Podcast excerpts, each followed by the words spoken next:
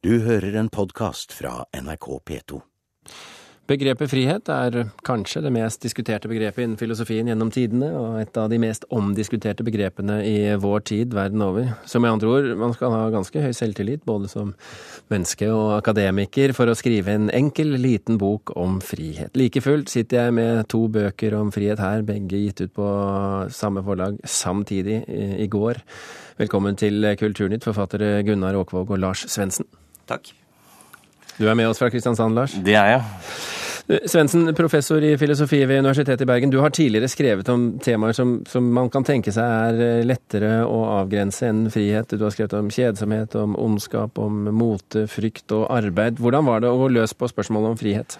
Nei, Det er jo en sånn potensiell nakkeknekker å gi seg i kast med det. Det er vel neppe noe filosofisk tema det er skrevet så mye om. Og da jeg i tillegg da hadde ambisjonen om å skrive om hele tematikken, ikke bare et lite utsnitt av den, så er jo det et sånt prosjekt som i utgangspunktet har alle forutsetninger for å gå riktig galt. Men du måtte begrense deg litt etter hvert? Jeg måtte det, men eh, det, er, det var uansett mye å, å bite over. Du skriver at boken er et forsvar for friheten. Hvorfor trenger friheten et forsvar? Fordi den på ulike måter stadig er under press.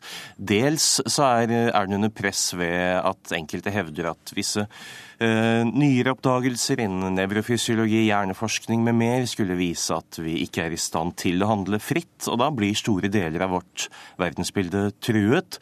Og dels så er den jo under press fra ulike aktører som er litt for villige til å ofre den i det politiske feltet av hensyn til presumptivt viktigere verdier. Og nå forutsetter du selvfølgelig at vi er, har en enighet om hva frihet er, ikke sant? Ja, det, er jo det, det, er jo det som er, er det kinkige her. Altså, Frihet er jo et uh, ekstremt uh, kontroversielt og mangfoldig begrep. Og det finnes vel ikke én posisjon i frihetsproblematikken uh, som er ukontroversiell. Teoretisk sett så skulle altså Gunnar Åkvåg ha det litt lettere enn deg, Svendsen. Eh, Åkvåg, postdoktor ved Universitetet i Oslo. Hva er grunnen til at ditt fagfelt sosiologi aldri har klart å få skrevet en bok om frihetens sosiale betingelser? Ja, jeg har jo vært i litt motsatt situasjon av Lars, fordi det er skrevet enormt mye om frihet innenfor filosofi i løpet av 2500 år. Mens norske sosiologer har hatt en stor fortelling om etterkrigs-Norge som heter 'Det går mye dårligere enn vi tror'.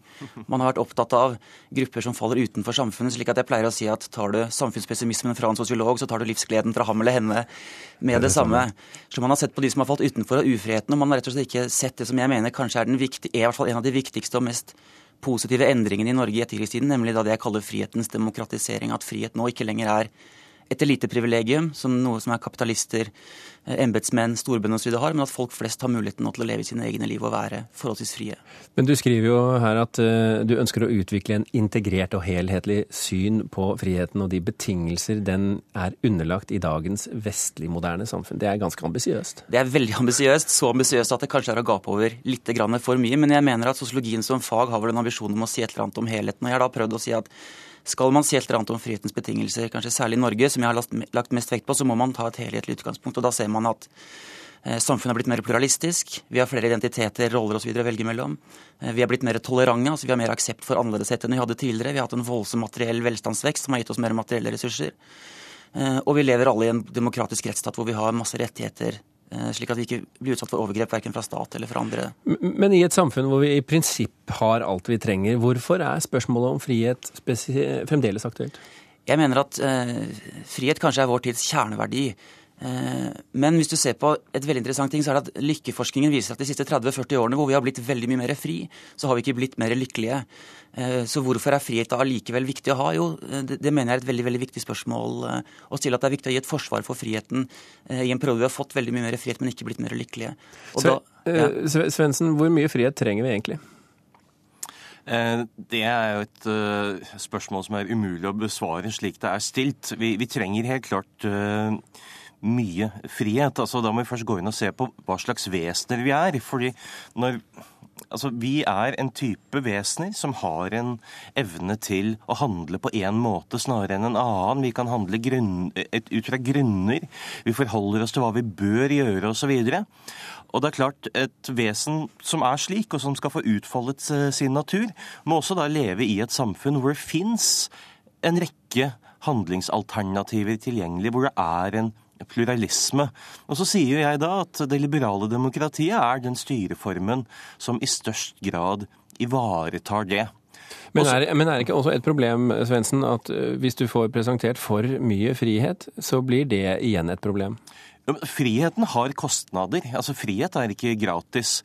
Og frihet kan være utrolig krevende å håndtere. Og det er klart Hvis vi sammenligner vårt samfunn med tradisjonelle samfunn, så kan vi se at i tradisjonelle samfunn så behøver du ikke egentlig reflektere så mye over hva du bør bry deg om, hva du skal vie livet ditt til. For disse spørsmålene er allerede besvart for deg. Mens vi derimot, vi må finne ut av dette på, på egen hånd. Vi. vi må tenke over hva er det jeg egentlig bryr meg om, og hva bør jeg bry meg om? Og det er jo altså først ved å, besvare, å kunne besvare de spørsmålene at man klarer å gi friheten og jeget noe særlig mening og substans, og livet i det hele tatt en retning. Hvordan ser dette ut i et samfunnsperspektiv, eh, Åkvåg? Hva tenker du på det? Dette med å ha en mening, det å ha for mye frihet, eh, sånn at man ikke klarer å gjøre valgene sine. Altså, jeg er helt enig med Svendsen i at eh, frihet er et veldig viktig gode for oss, men vanskelig å håndtere. All den friheten vi har fått nå, gjør f.eks. at vi går glipp av veldig veldig mange muligheter. Fordi det å ha mye frihet innebærer at det er mange ting man ikke får gjort, som man kunne gjort. Som eksempel? Eh, som eksempel hadde jeg blitt født for tre-fire generasjoner siden så ville jeg med nødvendighet blitt eh, bonde eller fisker eller noe sånt. Nå kan jeg velge å bli universitetsprofessor, jeg kunne velge å blitt eh, kunstner, jeg kunne velge å blitt eh, næringslivskarrierist, jeg kunne velge å satse på en karriere som familiemann. Altså det finnes et utall av identiteter og roller som jeg kan gå inn i, men som jeg aldri vil kunne gå inn i. Jeg kan ikke som Abraham i Gamle Testamentet dø mett av dager, fordi det vil alltid være veldig veldig mange ting og muligheter der ute som jeg aldri har fått realisert. Så, så det skaper en uh, viss form for misnøye, rett og slett? Det skaper en misnøye. Du lever et kon konstant i skyggen av alt det du faktisk kunne gjort, men som du aldri får muligheten til å realisere fordi du lever 80 år, og det er grenser for hva du kan gjøre innenfor de 80 årene. Er det ikke da et paradoks Svensen, at folk som vinner f.eks. en stor lottogevinst, eh, og selvfølgelig i hovedsak med unntak av noen eh, flere ekstravagante innkjøp, synes å leve livet videre i nøyaktig samme spor som de har gjort så langt?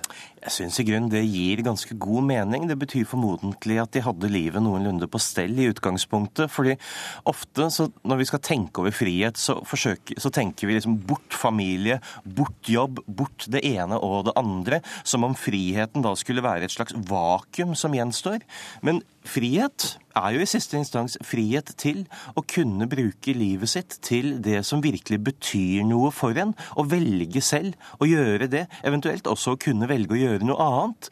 Men det er klart, å fortsette å leve på samme, måte, på samme måte kan jo være en helt utmerket realisering av friheten.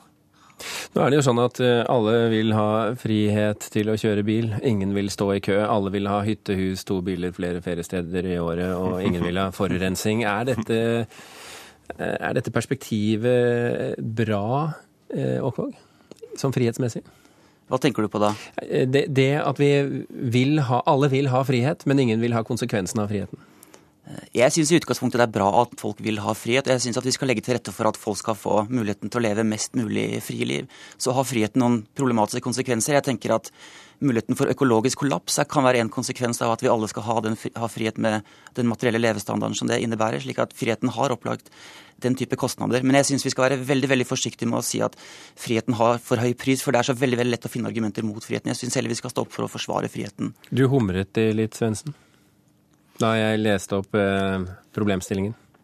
Ja, altså det, det, det, er klart at uh, når vi skal organisere et samfunn, så vil verdikonflikter oppstå. og De oppstår ikke bare mellom ulike grupper, de står, oppstår også i hver og en av oss, fordi vi trekkes i, i, ulike retninger. og Det er en del av det å leve et moderne liv, at dette må håndteres. Men en, et grunnprinsipp her kan jo være at det gode gamle, at enhver skal innrømme så mye frihet som er forenlig med en tilsvarende frihet for alle andre, og så får vi håndtere det så godt vi kan. Her eh, nikkes det på eh, denne siden av linjen. Eh, Lars Svendsen fra Universitetet i Bergen, nå i et studio i Kristiansand. Takk for at du kunne være med oss her i Kulturnytt. Takk også til Gunnar Åkvåg, Universitetet i Oslo. Begge ute med bok om frihet denne uken.